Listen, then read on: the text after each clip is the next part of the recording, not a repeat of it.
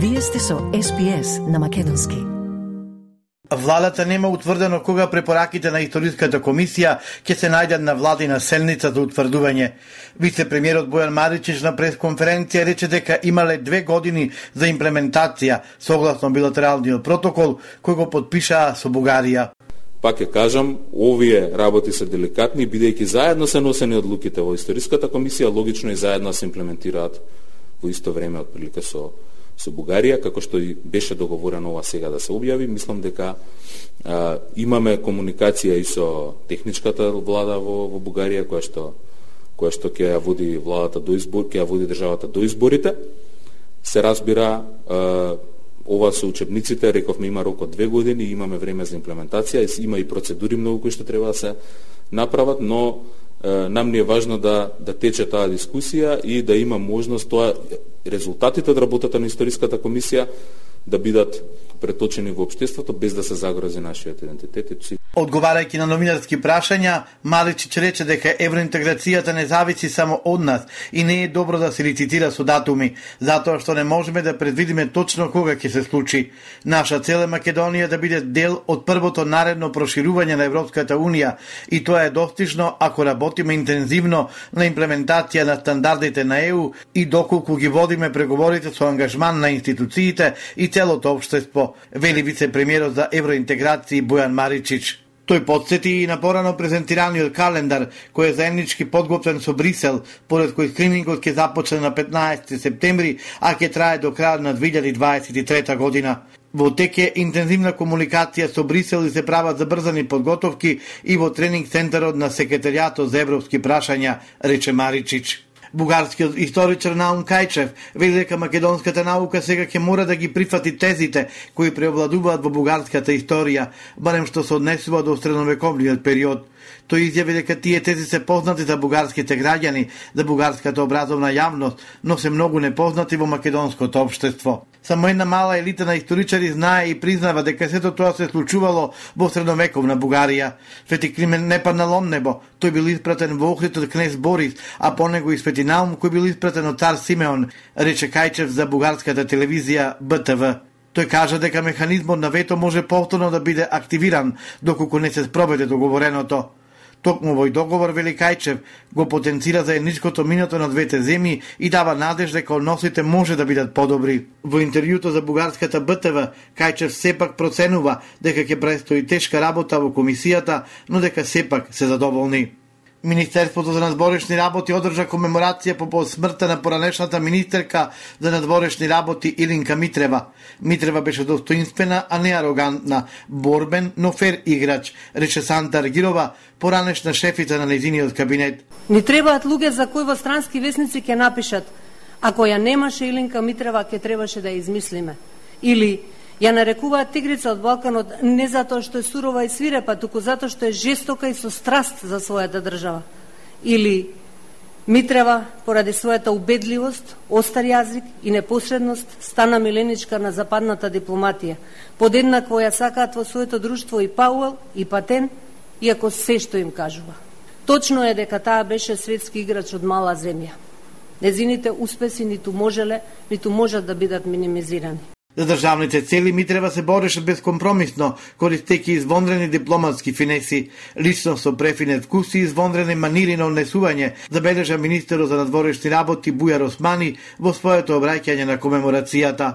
Беше една од иницијаторите за оформувањето и главен двигател за нашето влегување во Јадранската повелба во 2002 година. Во ноември 2004 година Соединените Американски држави го признаа нашето тогашно уставно име, што представуваше извонреден дипломатски резултат. Во декември 2005 година се здобивме со статус на кандидат за членство во Европската Унија, статус кој го имавме се до пред неколку недели. Го подготви теренот за да станеме членка на франкофонијата, што неа лично, исклучително и беше важно – Митрева почина на 31 јули годинава на 72 години.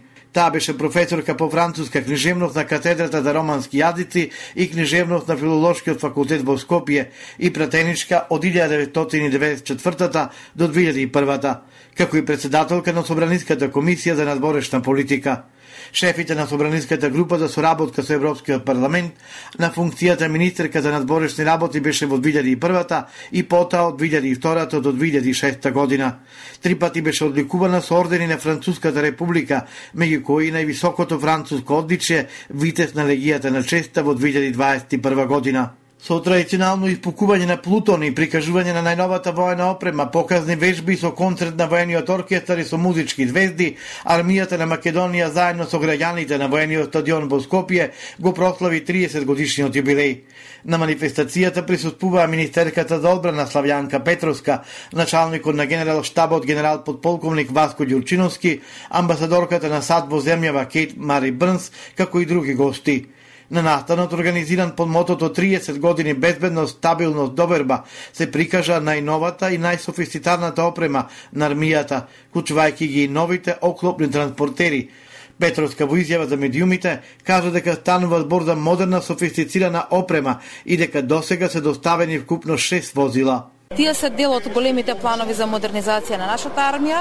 Тоа се лесни оклопни возила кои се составен дел на вооружувањето на нашата армија и како што веќе бевме информирани, тренинзите се во тек и припадниците на армијата ги се обучуваат за нивно користење. До крајот на оваа година ќе стигнат уште 27 исти вакви возила, а до 2028 кога вкусност треба да се испорачаат сите ќе се заокружи комплетната бројка од 96 возила. И тоа повторно ќе кажеме само дел од од процесите на набавка на модерна и софистицирана опрема со која што припадниците на армијата ќе имаат можност да ја користат и употребуваат. Кон постигнување на многу повисоки стандарди од она што го има денеска и во работењето, меѓутоа и во условите во кои што припадниците на армијата работат, затоа што тие го заслужуваат најдоброто, затоа што даваат цел себе за безбедност и стабилноста на нашата држава. Соработката меѓу армијата на Македонија и националната гарда на Вермонт која се остварува преку обука на припадниците на двете армии, реализација на заеднички вежби како и заедничко учество во мировните мисии беа тема на разговор на средбата на председател Стево Пендаровски со командантот на Националната гарда на Вермонт, генерал мајор Грегори Најд. На средбата и предходеше свечаност по кабинетот на председателот, на кој генерал мајорот Грегори Најт му додели медал за заслуги на председателот Стево Пендаровски за особени достигнувања во периодот од 12 мај 2019 до 9 јули 2022 како извонреден и важен поддржувач на државната програма за партнерство со Националната гарда на Вермон се наведува во сообщението генерал Мајарот Грегори Најт, на исти теми разговараше и со министерката за одбрана Славјанка Петровска. Во аманман на Законот за национална одбрана, Конгресот побара од Пентагон да предложи повеќе воени вежби со Македонија следната година. Се дознава од натар Законот за буџет за одбрана за следната фискална година. Со овој федерален закон, сад го утврдуваат годишниот буџет и расходите на Пентагон и годинава за прв пат во него се најде и Македонија. Во него се додава дека од суштинско значење е САД и останатите НАТО членки да продолжат да спроведуваат клични вежби со Македонија и да настојуваат на натамошна интеграција. Македонија метната во предложениот законски текст по барање на конгресменката Лиса Меклейн, копреседавачка со Конгресната група за пријателство со Македонија и Македонско-американската заедница, а на барање на објединетата македонска диаспора, дознава гласот на Америка. Председател на ВМРО ДПМН Христијан Мицковски кој е во изолација поради COVID-19 преку социјалната мрежа Facebook вели дека на власта и дал фер понуда за излезот како што вели Чорсокакот во која однесоа државата. Поред него, понудата се почне процесот за уставни измени за внесување на бугарите во уставот е најдобро решение, бидејќи доколку власта на вистина има 80 претеници, тогаш тој ќе се повлече од политиката. Но доколку нема, народот на предвремени парламентарни избори ќе избере нова влада, која според него ќе има народен кредибилитет. Според првиот човек на ВМРО ДПМН, власта ниту има поддршка за уставни измени, ниту ќе има поддршка на избори. Техничка влада која ќе организира брзи предвремени избори, бара Арбен Таревари, лидерот на опозицијската алијанса на албанците. Тој во изјава за Сител коментира дека владата на Ковачевски нема никаков легитимитет да ја воли државата. Таревари вели дека владиниот кабинет треба да биде непартиски, а иницијативата за негово формирање треба да ја поведе шефот на државата Стево Пендаровски. Од владата за Сител велат, Време е ВМРО ДПМН и Мицковски да дадат поддршка на евроинтеграциите. Сепак коментира дека рано ја се зборува за уставни измени и дека скрининг процесот од Брисел дава доволно време за тие да бидат донесени со поширока пратеничка поддршка. Лиле Стефанова ќе биде замена за Вилма Русковска во основното јавно обвинителство за гонење на организиран криминал и корупција по решението на републичкиот јавен обвинител Љубомир Јовески за суспензија на Русковска. Шефицата на ОЈО, Вилма Русковска, чиј мандат истекува во ноември, ќе се жали на одлуката за суспензија пред собето на јавни обвинители, зашто има рок од 8 дена. Сакате ли да чуете повеќе прилози како овој? Слушате подкаст преку Apple Podcasts, Google Podcasts, Spotify или од каде и да ги добивате вашите подкасти.